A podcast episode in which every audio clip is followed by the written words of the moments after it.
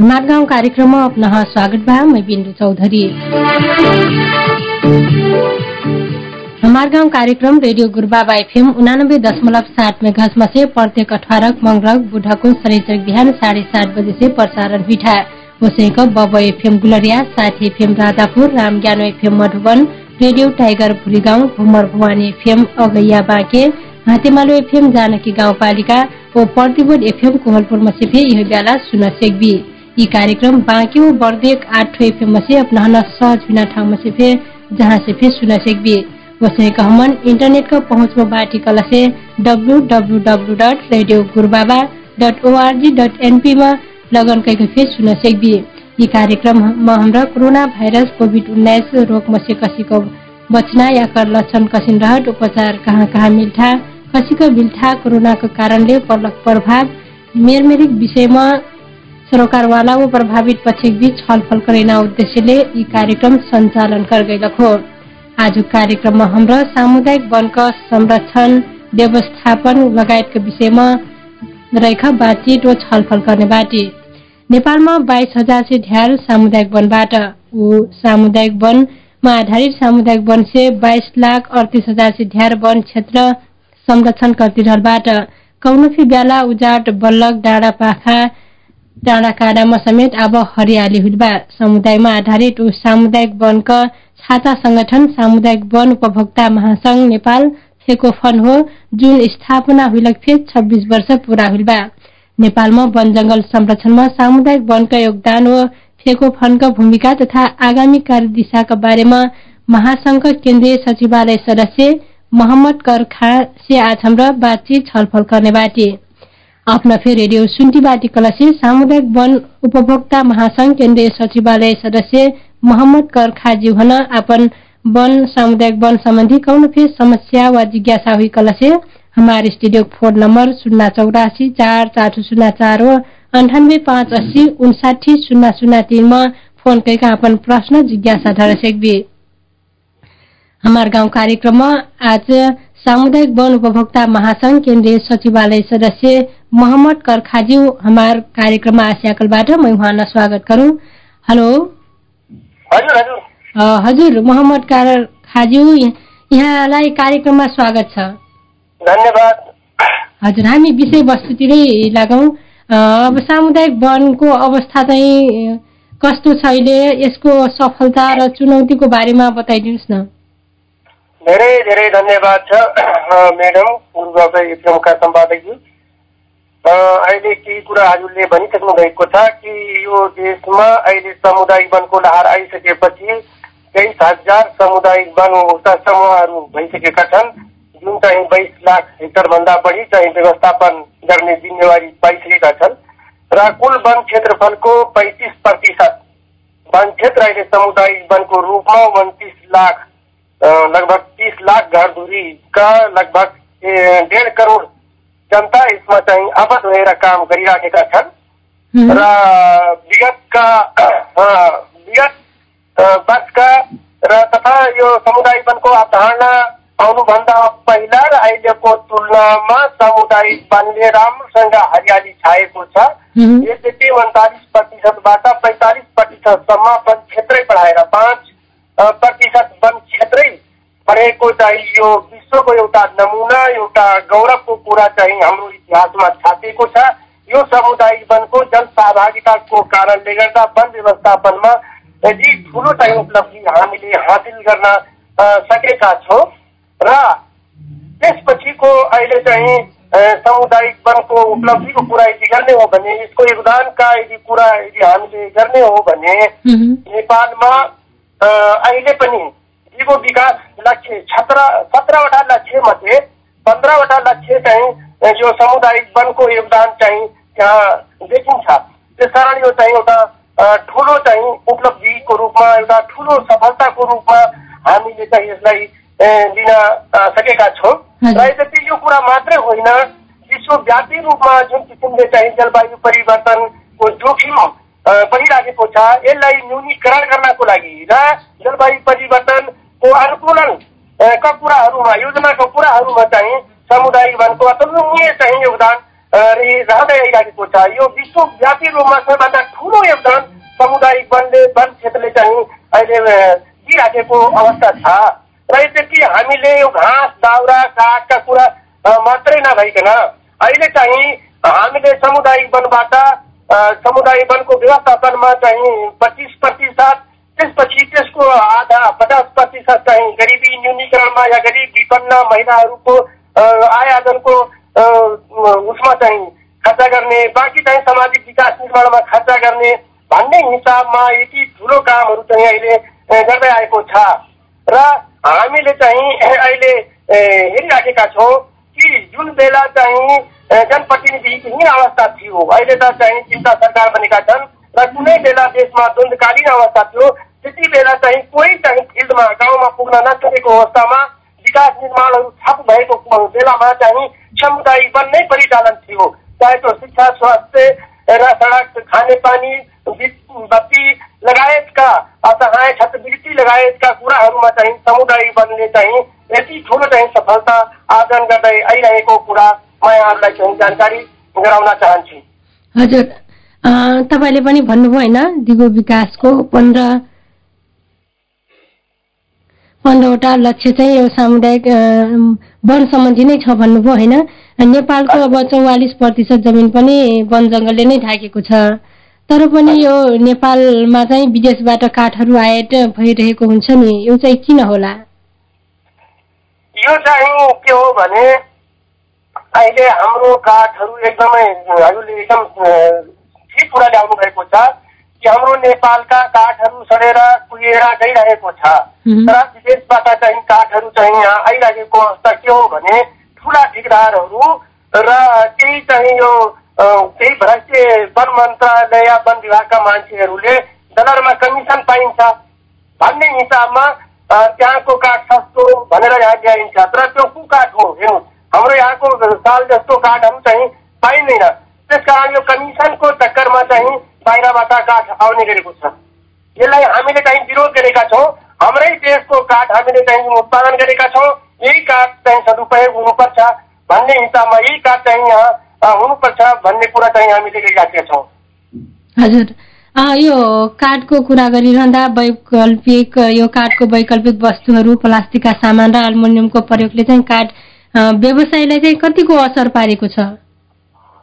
हजुर यो काठकै कुरा गरिरहँदा यो वैकल्पिक वस्तुहरू होइन प्लास्टिकका सामान र एल्मुनियमको प्रयोगले चाहिँ काठ व्यवसायीहरूलाई कस्तो असर पारिरहेको छ यसको विषयमा पनि बताइदिनुहोस् न। होइन यो काठ व्यवसायीको कुरा मात्रै होइन हाम्रै देशको अर्थतन्त्रको कुरा यदि गर्ने हो भने यो चाहिँ के हो भने अर्थ राजनीतिकका कुराहरू होइन? ठुला धनन्जय देशहरू चाहिँ आफ्नो देशबाट उहाँहरूले उत्पादन गरेका प्लास्टिकका होइन अब फर्निचरका कुराहरू सामानका कुराहरू अल्मुनियम र फलामका कुराहरू चाहिँ झाड ढोकाका कुराहरू हामीले पैसा तिरेर बाहिरबाट चाहिँ ल्याउँछौँ किन्छौँ होइन? यो त देशलाई नै असर पारेको छ। तर हाम्रै यहाँबाट उत्पादन भएको काठ हामीले प्रयोग गर्ने त्यस्तो किसिमको नीति भइरहेको अवस्था छैन। त्यसकारण यो के हो भने हामीले उत्पादन गरेको काठहरू हाम्रै देशमा चाहिँ खपत हुनुपर्छ यसको चाहिँ अलिकति विकास हुनुपर्छ भन्ने कुरा हामीले गरिरहेका छौँ। काठ व्यवसायलाई मात्र होइन हामी सबैलाई हो। हजुर। अब यो वन्यजन्तुकै पनि कुरा गर्दा बाली नाली घरपालुवा वस्तु जन्तुहरू खाइदिने मानव क्षति पनि भइरहेको अवस्था छ। यो वन्यजन्तु र मानव बीचको द्वन्द्वलाई चाहिँ न्यूनीकरण गर्न महासङ्घले चाहिँ के गरिरहेको छ? सबभन्दा पहिला त मैले के भन्न चाहन्छु भने सबैभन्दा ठुलो ठुलो चाहिँ यो एउटा सङ्कट भनौँ एउटा ठुलो चाहिँ नोस्कानीका कुरा गरौँ या जोखिमका कुरा गरौँ भने अहिले जसरी जलवायु परिवर्तनको जोखिम बढिरहेको छ नेपालमा सबैभन्दा बढी त्यस्तै हेरेर वन्य जन्तुको पनि भइरहेको छ। वन्य जन्तुबाट धेरै क्षतिहरू भइरहेको अवस्था छ अहिले। यद्यपि यो नियन्त्रण हुन सकेन भने कृषिको जुन कुराहरू हामीले गरिराखेका छौँ। यसमा धेरै ह्रास आउने चाहिँ सम्भावना देखिन्छ। यो ठुलो चाहिँ क्षति हो र खालि बाली नालीको कुरा मात्रै होइन। यहाँ मानवीय क्षति पनि अधिक बढेर गइरहेको छ। तपाईँ चाहिँ यही बाध्यको कुरा गर्नुहुन्छ भने महिना नबित्दै एकजना मान्छेको ज्यान गइरहेको अवस्था छ। हेर्नु त्यस्तो किसिमको अवस्था छ। घर गोठहरू चाहिँ भत्कने कुरा भइराखेको छ। मान्छेहरू घाइते भएका छन्। पशुधनमा क्षति ठुलो भइरहेको छ। त्यसकारण सबैभन्दा ठुलो चुनौती चाहिँ यहाँ छ र हामीले के भन्छौँ भने अब अहिले पनि यो वनले धान्न नसक्ने जस्तै यहाँ संरक्षित क्षेत्रहरू राष्ट्रिय निकुञ्जहरू जुन छन् नि यो. राष्ट्रिय निकुञ्जहरूले धान्न नसक्ने क्षमता भन्दा बढी चाहिँ वन्य जन्तुहरू चाहिँ यहाँ भइरहेको अवस्थाको कारणले गर्दा पनि यस्ता क्षतिहरू भइरहेको अवस्था छ र अहिले जुन राहतको कुराहरूले गर्नुभयो यो राहतमा चाहिँ चौध जातिका जङ्गली जनावरहरू हात्ती घैडा बाघ भालु लगायतका चौधवटा मात्रै छन् यहाँ। मैले नामै लिन चाहन्छु। हात्ती घैडा बाघ भालु चितुवा हिउँ चितुवा घौसे चितुवा बसो जङ्गली कुकुर जङ्गली बन्देल अर्ना मगर गोही अजिङ्गर र गौरी गाई यो भनेको चौध छ। यस बाहेक चाहिँ पनि बाँदर सर्प जस्ता अ, ले पनि क्षति पुर्याइरहेको हुन्छ। तर यो राहत उनीहरूले पुर्याएकोमा राहत दिन्न यो चौधवटामा मात्रै राहत दिन्छ।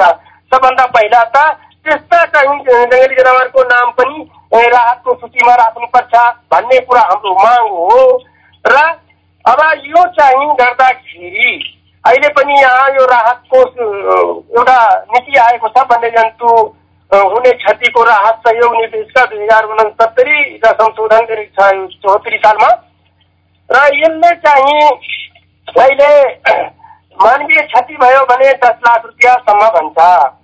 र चाहिँ त्यसपछि घाइते भयो भने एकदमै विशेष त्यो सख्त घाइते भयो भने दुई लाख रुपियाँसम्म र सामान्य घाइते भयो भने बिस हजार रुपियाँसम्म भन्छ। अब पशुधनको हिसाबले कुरा गर्ने हो भने भैँसीले भैँसी या जोत्ने उमेरका राँगालाई तिस हजारसम्म भन्छ अन्य पशुलाई चाहिँ दस हजारसम्म भन्छ।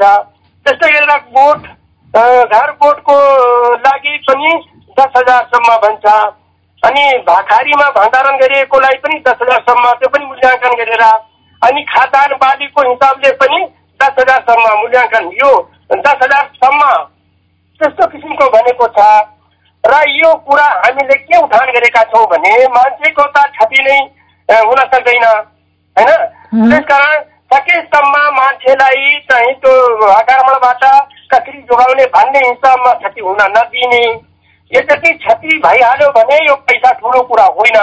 उनीहरूको बाल बच्चा कोही गरिब मान्छेको होइन या जसुकैको बाल बच्चाहरूको रोजी रोजगारका कुरा उसको परिवारको रोजी रोजगारका कुराहरू उसको शिक्षा दीक्षाका कुराहरूमा चाहिँ ग्यारेन्टी गर्ने कुरा पनि हुनुपर्छ भन्ने कुरा हो र हामीले अन्य उसमा चाहिँ उचित क्षतिपूर्तिका कुरा गरिरहेका छौँ यो त केही होइन सामान्य मात्रै हो यो। यसले केही गर्दैन। र यो प्रक्रिया पुर्याउँदाखेरि लामो समय लगाउँछ निकुञ्जतिर अलिअलि भयो होला।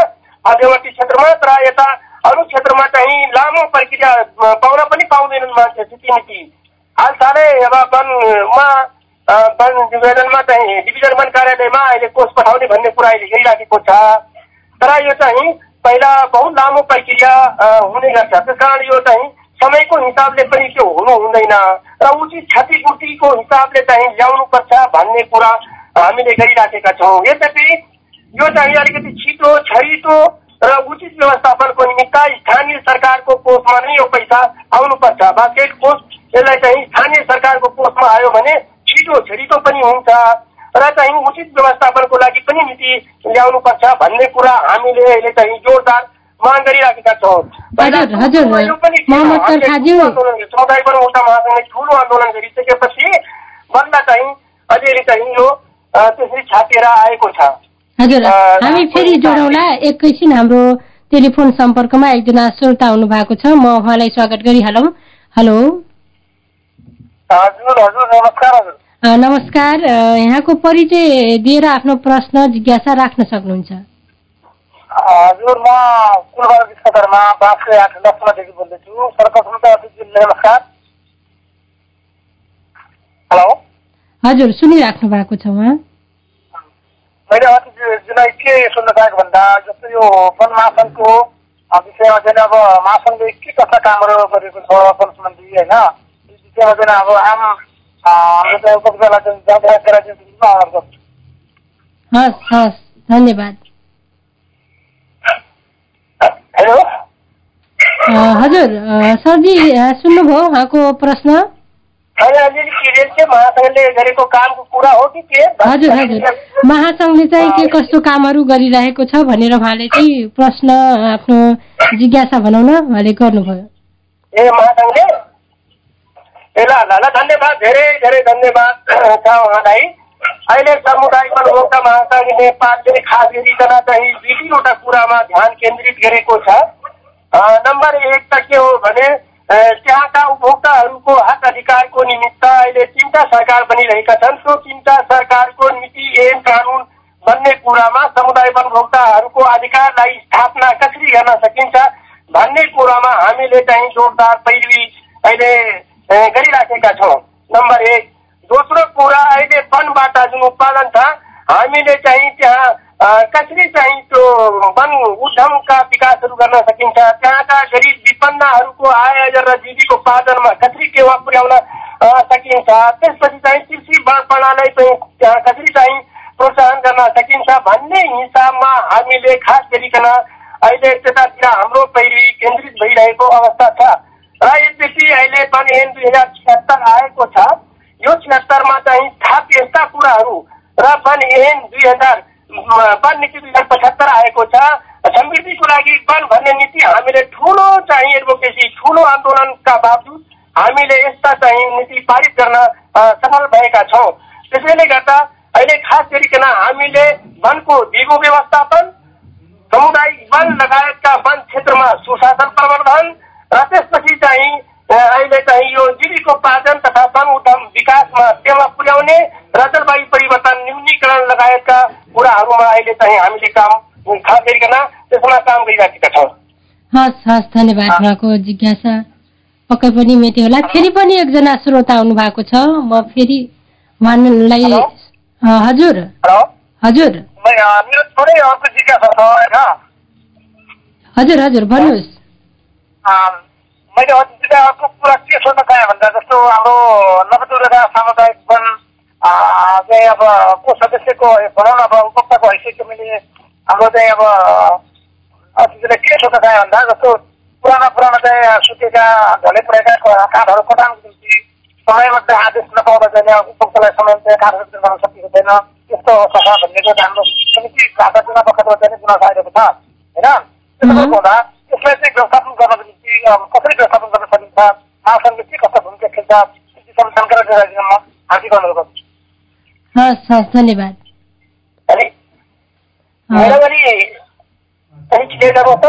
हजुर उहाँले फेरि के सोध्नुभयो भनेपछि हाम्रो सा नवदुर्गा सामुदायिक वनको उपभोक्ता हुनु हुँदो रहेछ। उहाँले चाहिँ। पुराना काठ दाउराहरू चाहिँ निकाल्नु नपाउने बेच्न नपाउने भन्ने कुरा गर्नुभयो। महासङ्घले चाहिँ के गरिरहेको छ यसको विषयमा भनेर उहाँले सोध्नुभयो। अब यो यो चाहिँ खास गरिकन वैज्ञानिक वन व्यवस्थापन कार्यविधि अनुसार वैज्ञानिक वन व्यवस्थापन लागू गरिसकेपछि यहाँ चाहिँ व्यापक हानि भयो र सरकारले छानबिन समिति गठन गर्यो। त्यो छानबिन समितिले पुरै देशको एउटा रिपोर्ट पेश गर्यो प्रतिवेदन। त्यो प्रतिवेदनले चाहिँ यो ठिक पनि होइन र ठिक नहुन दिनको लागि यसलाई चाहिँ यो कारवाही प्रक्रिया अगाडि बढाउनुपर्छ भन्ने हिसाबमा त्यति बेला सबै समुदाय वन वैज्ञानिक वन लगायत सबै वनको चाहिँ काठ रोका गरिदियो र हामीले मानेनौँ गल्ती जसले गर्छ त्यसलाई चाहिँ रोक्नुपर्छ सबैलाई रोक्नु हुँदैन।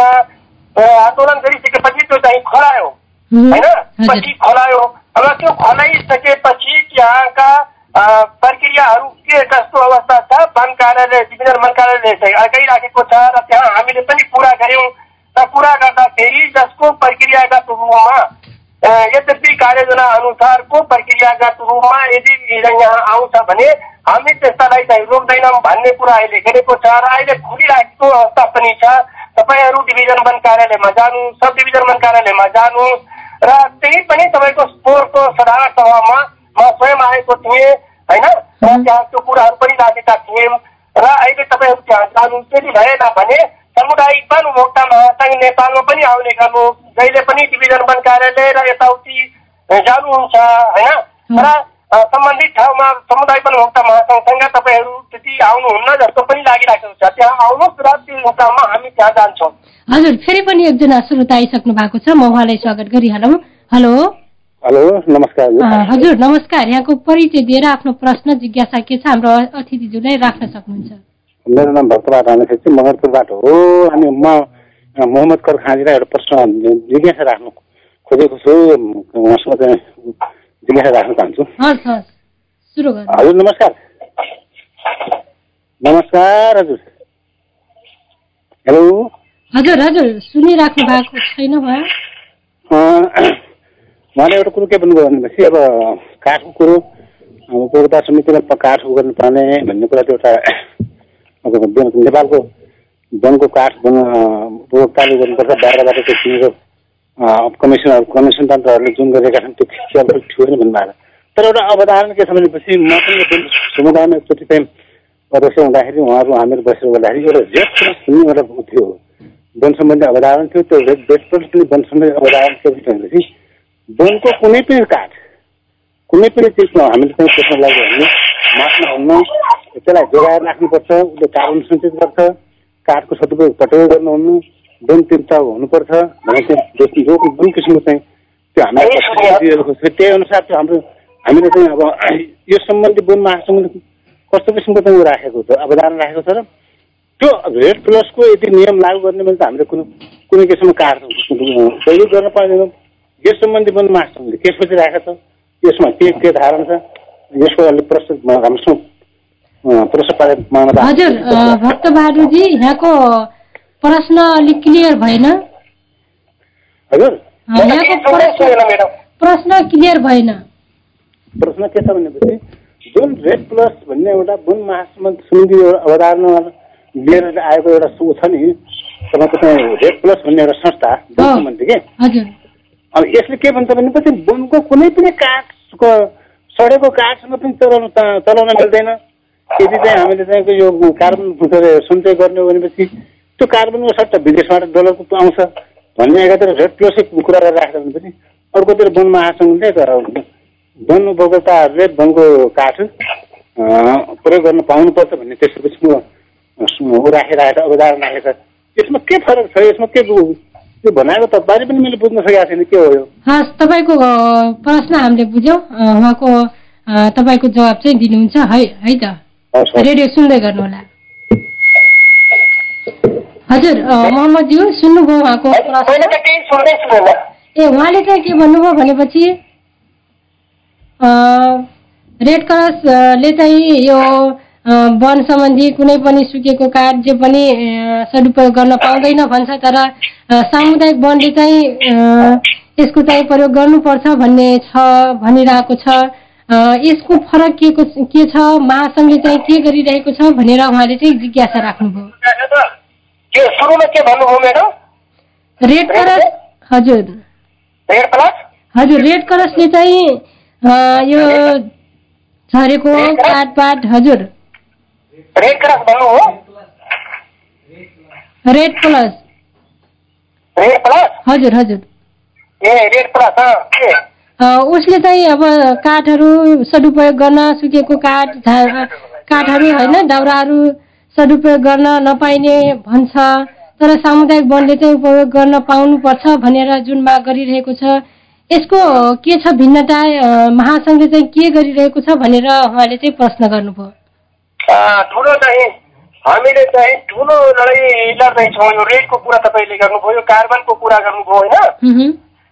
अब यसमा चाहिँ हामीले त्यहाँ वन जङ्गल भएको ठाउँमा त्यहाँका आदिवासीहरूले त्यहाँका समुदायहरूले होइन वनमा आश्रित मान्छेहरूले त्यहाँ प्रथाजनित अभ्यासहरू परम्परागत रूपमा उपयोग गर्दै आएका कुराहरू काठ मात्रै यो कुरा हामीले गर्दैनौँ काठ त छँदैछ होइन? यसका अधिकार होइन? यो अधिकार रहिरहने गरी बल्ल चाहिँ त्यो कार्बनका कुराहरूमा चाहिँ हामी जान्छौँ भन्ने कुरा अहिले गरिराखेका छौँ र त्यस्तो किसिमको रणनीतिहरूमा त्यो कुरा पनि हामीले चाहिँ उल्लेख गरेका छौँ। र यद्यपि अहिले कार्ययोजना अनुसार अहिले कार्ययोजना बनिरहेको छ यो कार्ययोजना अनुसार होइन ढालापडा सुकेका यस्ता रुखहरू चाहिँ निकाल्न पाउने भन्ने कुरा एनले पनि प्रयास पारेको छ। तपाईँको संविधानले पनि प्रयास पारेको छ तपाईँको नियमावली अहिले आइराखेको अवस्था छैन होइन? यद्यपि त्यो नियमावलीको लागि हामीले जोड गर्दैछौँ। र चाहिँ अहिले त्यो नदिने भन्ने कुरा छँदै छैन त्यो त चाहिँ त्यो गर्ने कुरा छ। हस् हुन्छ उहाँको प्रश्न जिज्ञासा पक्कै पनि मेट्यो होला। फेरि पनि एकजना श्रोता आइसक्नु भएको छ। हेलो। हजुर। हजुर नमस्कार। यहाँको परिचय दिएर आफ्नो प्रश्न जिज्ञासा राख्न सक्नुहुन्छ। हजुर मेरो नाम गोविन्द सरकार फुलबारी चाबा उत्सवको म अध्यक्ष आज मेरो पाँच गरी आठ गरिदिया हजुर। अब मैले हालसालै अब म आफू पढ्न बसिरहेका देखेको मैले भोगेको कुरा के भन्दा अब वन भने चाहिँ हामीले संरक्षण सम्बन्ध संवर्धन र उपभोग भन्ने तिनवटा उसमा हामीले टेकेर गएका हुन्छौँ कि। त्यसमा संरक्षण त हामीले गर्छौँ नै होइन? त्यसपछि सम्बोधन भनेको त्यसलाई अब व्यवस्थित गर्नु पर्यो र उपभोग। त्यो उपभोगको लागि हामी उ गरिसकेपछि हामीले त्यसको उपभोग लिनलाई त्यही चाहिँ हामीले उ दिए हुन्छ क्या भन्ने। ढले परेको जे जे छ त्यो उठाउनु भन्दा हुँदैन। सिमी दिएको हुन्छ। त्यसले अनि हाम्रो उपभोक्तालाई पुऱ्याउने हामीलाई गाह्रो हुन्छ। जस्तो एक टिफुट आधा टिफुट हिसाब गर्नु हुन्छ उहाँहरूको गुनासो हुन्छ। त्यो कसरी भयो? हामी जङ्गल जोगाएर उपभोग गर्नु पाउनु पर्यो भन्ने एउटा दोस्रो अब तपाईँको अतिक्रमण। जङ्गलको लौलो छेउछेउको भागहरू सबै अतिक्रमण गरेर जङ्गल धेरै जङ्गलको क्षेत्रफल धेरै घटिसकेको अवस्था छ हुँ। दोस्रो तेस्रो चाहिँ अब तपाईँको त्यसलाई पनि हामीले तारबारको गर्नुपर्ने अवस्था देखिन्छ। किनकि छेउछाउको बाली नालीहरू किसानहरूले खान पाउँदैन। अब त्यसपछि गएर तपाईँको आएर बाघले अब कति मारिदिएको अवस्था छ? खोरेरी तिनीहरू बाख्राहरू मारिदिएको अवस्था छ। अब यिनी यिनी समस्या हुन् मैले देखेको हजुर सरकारले यिनी कुरा सुधार्नु पर्छ कि जस्तो लाग्छ मलाई मेरो उसमा। ल धन्यवाद छ तपाईँलाई। धेरै राम्रो कुरा निकाल्नु भएको छ समुदाय वनका समस्याको विषयमा। र खास गरिकन अब तपाईँ आफैले लगभग लगभग प्रश्न उत्तर जस्तै गर्नुभयो र मैले पनि यो विषयमा अघि धेरै कुराहरू चाहिँ राखिसकेको छु। सर्वप्रथम त एउटा कुरा के हो भने पश्चिम तराईको र तराईको जिल्लामध्ये पनि बर्दिया जिल्ला र कैलाली जिल्लामा यो अतिक्रमणको चपेटामा नै समुदाय यो वनहरू चाहिँ परिराख्नु भएको छ होइन? वन क्षेत्रै परिराखेको छ। र विगतदेखि हामीले यसमा पनि ठुलो चाहिँ अभियानहरू सञ्चालन गऱ्यौँ आन्दोलनहरू गऱ्यौँ र धेरै हदसम्म चाहिँ समाधानको बाटोमा त पनि आइराखेको छ। अब यो दुई तिनवटा दृष्टिकोणले पनि त्यहाँ चाहिँ हुने कुरालाई पनि हामीले कसरी गर्न सक्छौँ। अहिले पनि वन ऐनका कुराहरूमा कानुनका कुराहरूमा वन क्षेत्रलाई चाहिँ सामुदायिक वनलाई अतिक्रमण नगर्ने चाहे त्यो सुकुम्बासीको नाममा हो, चाहे मुक्तमैयाको नाममा होस् या अन्य कुनै हिसाबले चाहिँ अतिक्रमणको कुरालाई कानुनले गर्दैन बरु त्यसको विकल्पको खोजी गरेर चाहिँ व्यवस्थापन गर्ने भन्ने कुरा चाहिँ नीतिले गरिराखेको कुरा छ। त्यसकारण हाम्रै ठाउँका, हाम्रै मान्छेहरू, क- कदम कदापि उपभोक्ताहरू, होइन, त्यस्ता मान्छेहरू पनि त्यहाँ अतिक्रमण गर्ने कुरा हुन्छ। त्यो सामुदायिक वनले नै व्यवस्थापन सक्नुपर्छ। अन्य कुरामा चाहिँ हामीले चाहिँ पनि जोड गरिराखेका छौँ र त्यो सम्बन्धित निकायमा यस्ता कुराहरूको उजुरी गरेर अगाडि बढ्ने कुरामा पनि मेरो चाहिँ सुझाव हो। अब दोस्रो कुरा चाहिँ झला बडा लगायतका वन पैदावार विगतदेखि चाहिँ रोकिराखेको कुरा मैले अघि के कारणले रोक्यो भन्ने कुरा पनि गरिराखेका छु र पटक पटक त्यो रोक्ने काम पनि गरिराखेको छ। त्यसकारण त्यसको ठोस निकासको लागि हामीले नीतिगत कुराहरूमाथि गरिराखेका छौँ। र अहिले यहाँ पनि हामीले गरिराखेका छौँ। र त्यो बाँसगढी क्षेत्रमा बाँसगढी नगरपालिकाले पनि स्थानीय चाहिँ अहिले पारित गरेर ल्याउनु भएको छ। धेरै हदसम्म त हामीलाई चाहिँ अब साथ हुने वातावरण स्थानीय सरकारले गरिराख्नु भएको छ। त्यसकारण त्यसमा खासै त्यस्तो समस्याहरू केही छ भने बरु सामुदायिक वन उपभोक्ता महासङ्घ छ स्थानीय महासङ्घ छ त्यो स्थानीय महासङ्घको अध्यक्ष मणिरामजी हुनुहुन्छ प्रदेशको सदस्य प्रेम शर्मा हुनुहुन्छ उहाँहरूसँग तपाईँहरूले सम्पर्क गर्नुहोस् त्यहाँबाट भएन भने जिल्लामा सम्पर्क गर्नुहोस् र हामी जिल्लाले गर्छ त्यसमा हामीमा आफै पनि बर्जियावासी भएको कारणले गर्दा पनि सहयोग गर्छौँ भन्ने कुरा चाहिँ छ अब दोस्रो कुरा तपाईँको तारबारका कुराहरू लगायतका कुराहरू आएको यो मागको कुरा हो यो चाहिँ डिभिजन वन कार्यालयमा अहिले पनि बजेटहरू आएको थियो र धेरै ठाउँहरूमा चाहिँ दिइराखेको अवस्था पनि छ त्यहाँ तपाईँहरूले माग गर्न सक्नुहुन्छ। प्रदेश सरकारबाट पनि त्यस्तो किसिमको कुराहरू आइराखेको छ। त्यसकारण अब यो चाहिँ सम्बन्धित ठाउँमा तपाईँहरूले निवेदन दिने माग गर्ने भन्ने कुरा गर्नुभयो भने त्यहाँबाट सम्भावना देखिन्छ।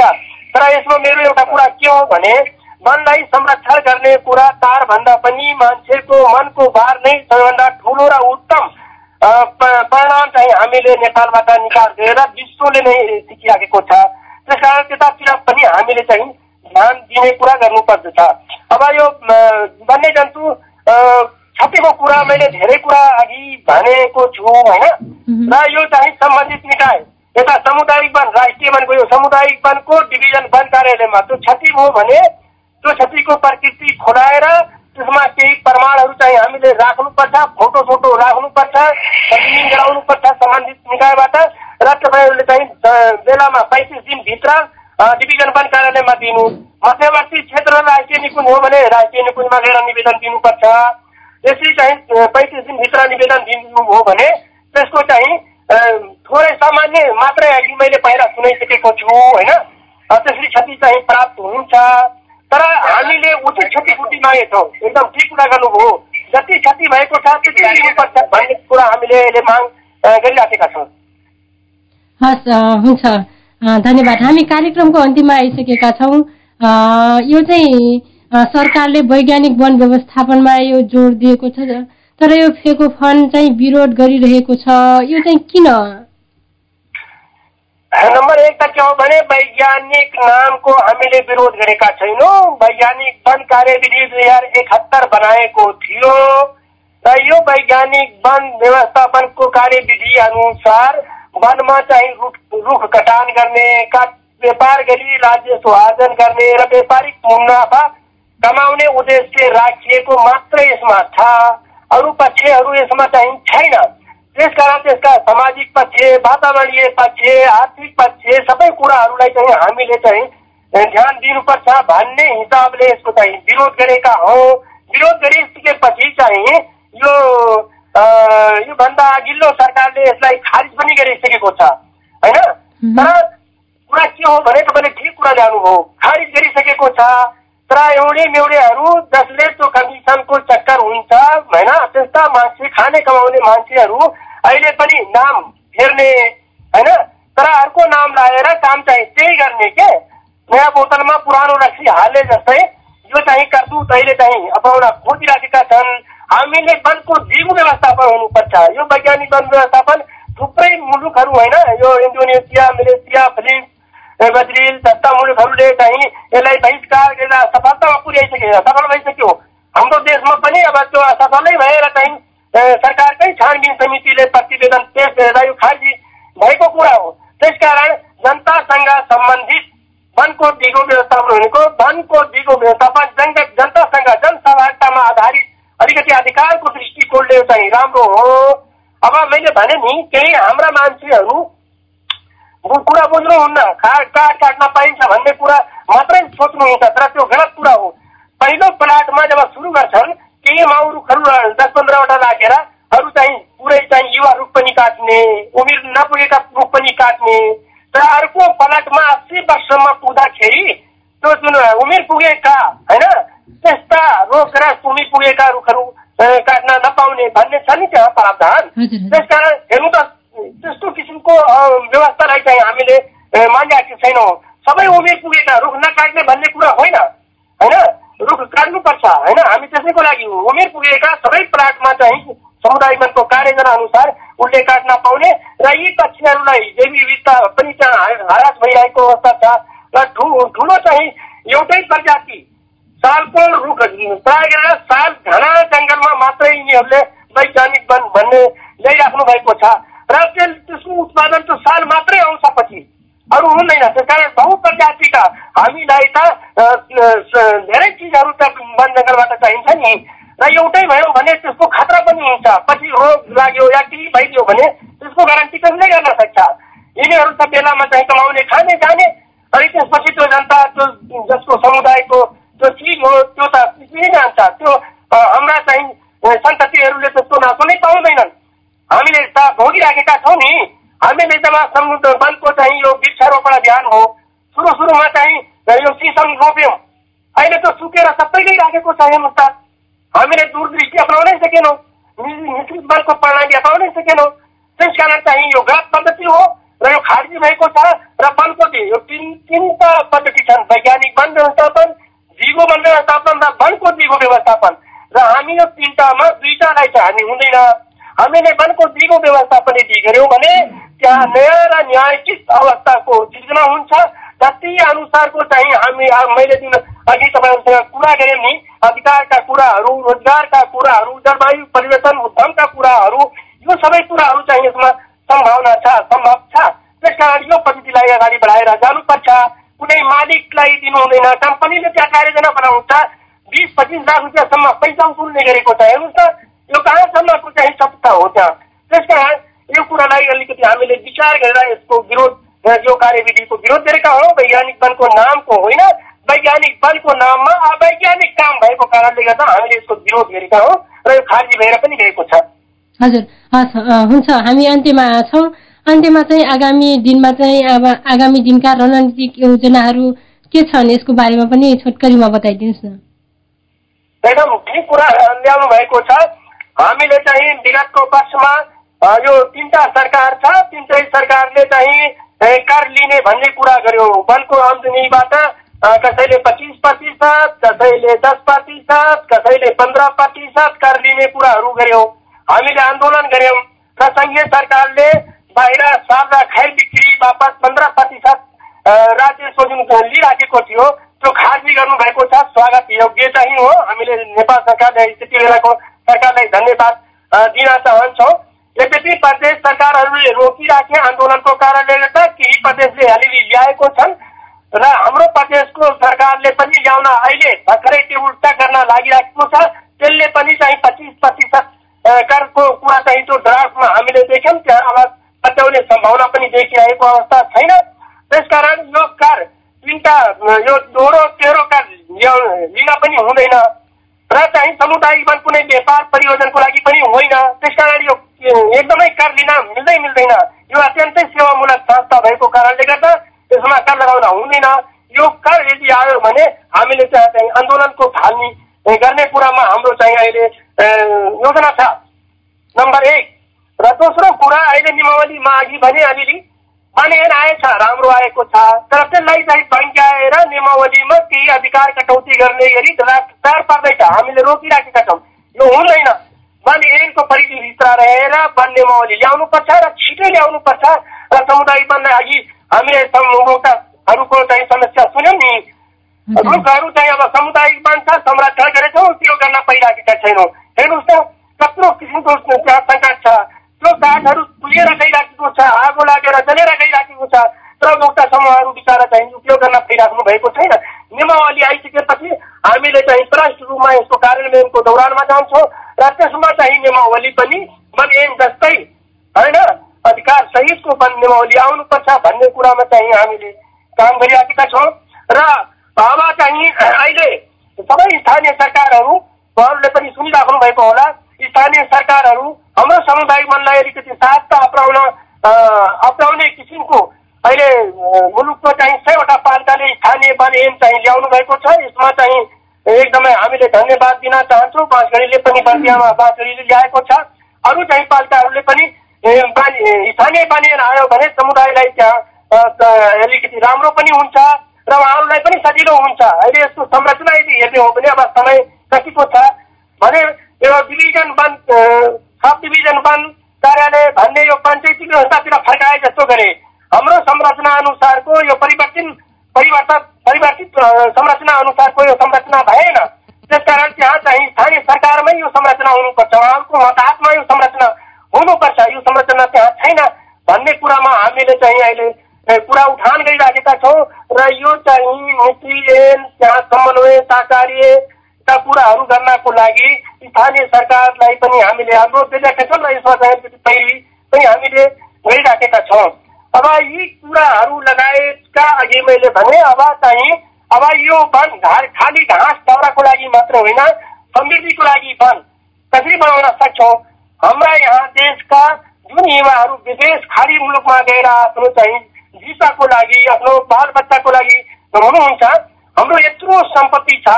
तर चाहिँ हामीले चाहिँ रोजगार दिन सकिराखेका छैनौँ हाम्रो कोही त्यहाँ खुसी हुनुहुन्न त्यस कारण यत्रो यथा प्राकृतिक स्रोत वन सम्पदाहरू छ यहाँ चाहिँ जल छ जमिन छ जडीबुटी छ वन पैदावार थुप्रै चाहिँ सम्भावनाका कुराहरू छन् यी सम्भावनाहरूलाई कसरी चाहिँ एउटा वन उद्यमको चाहिँ विकास हामीले गर्न सक्छौँ र तिनीहरूलाई रोजगार दिन सक्छौँ भन्ने कुरामा हामी विशेष चाहिँ जोड हाम्रो ध्यान त्यहाँनिर केन्द्रित भएर अगाडि बढ्ने काम गरिराखेका छौँ हस् हुन्छ। धन्यवाद सामुदायिक वन उपभोक्ता महासंघ केन्द्रीय सचिवालय सदस्य मोहम्मद कर खाज्यू यति महत्वपूर्ण समयमा हाम्रो कार्यक्रममा आइदिनु भयो। यहाँलाई धेरै धेरै धन्यवाद। हवस् त धन्यवाद म्याडम तपाईँले पनि सबै श्रोता सुन्ने श्रोताहरूलाई समेत सुन्नुभयो। धन्यवाद दिन चाहन्छु। हस् धन्यवाद। लिड आज कार्यक्रम यहाँ एठे निम्जलबा यहाँ अंकन कसिन लागल जस्तो लागल उस्तो सल्लाह सुझाव प्रतिक्रिया डेटी रवि यी कार्यक्रम हेर्ख वा सुनख साथ दिली वा लाग। यहाँ अंकन ढ्या ढ्या धन्यवाद। आजुक लाग प्राविधिक संघरिया अनोज थारू। बाँक्यौ बर्देक आठो एफएमका प्राविधिक संघरिया अंकन संग मै बिन्दु फे बिदा हुइटु। जय गुरु बाबा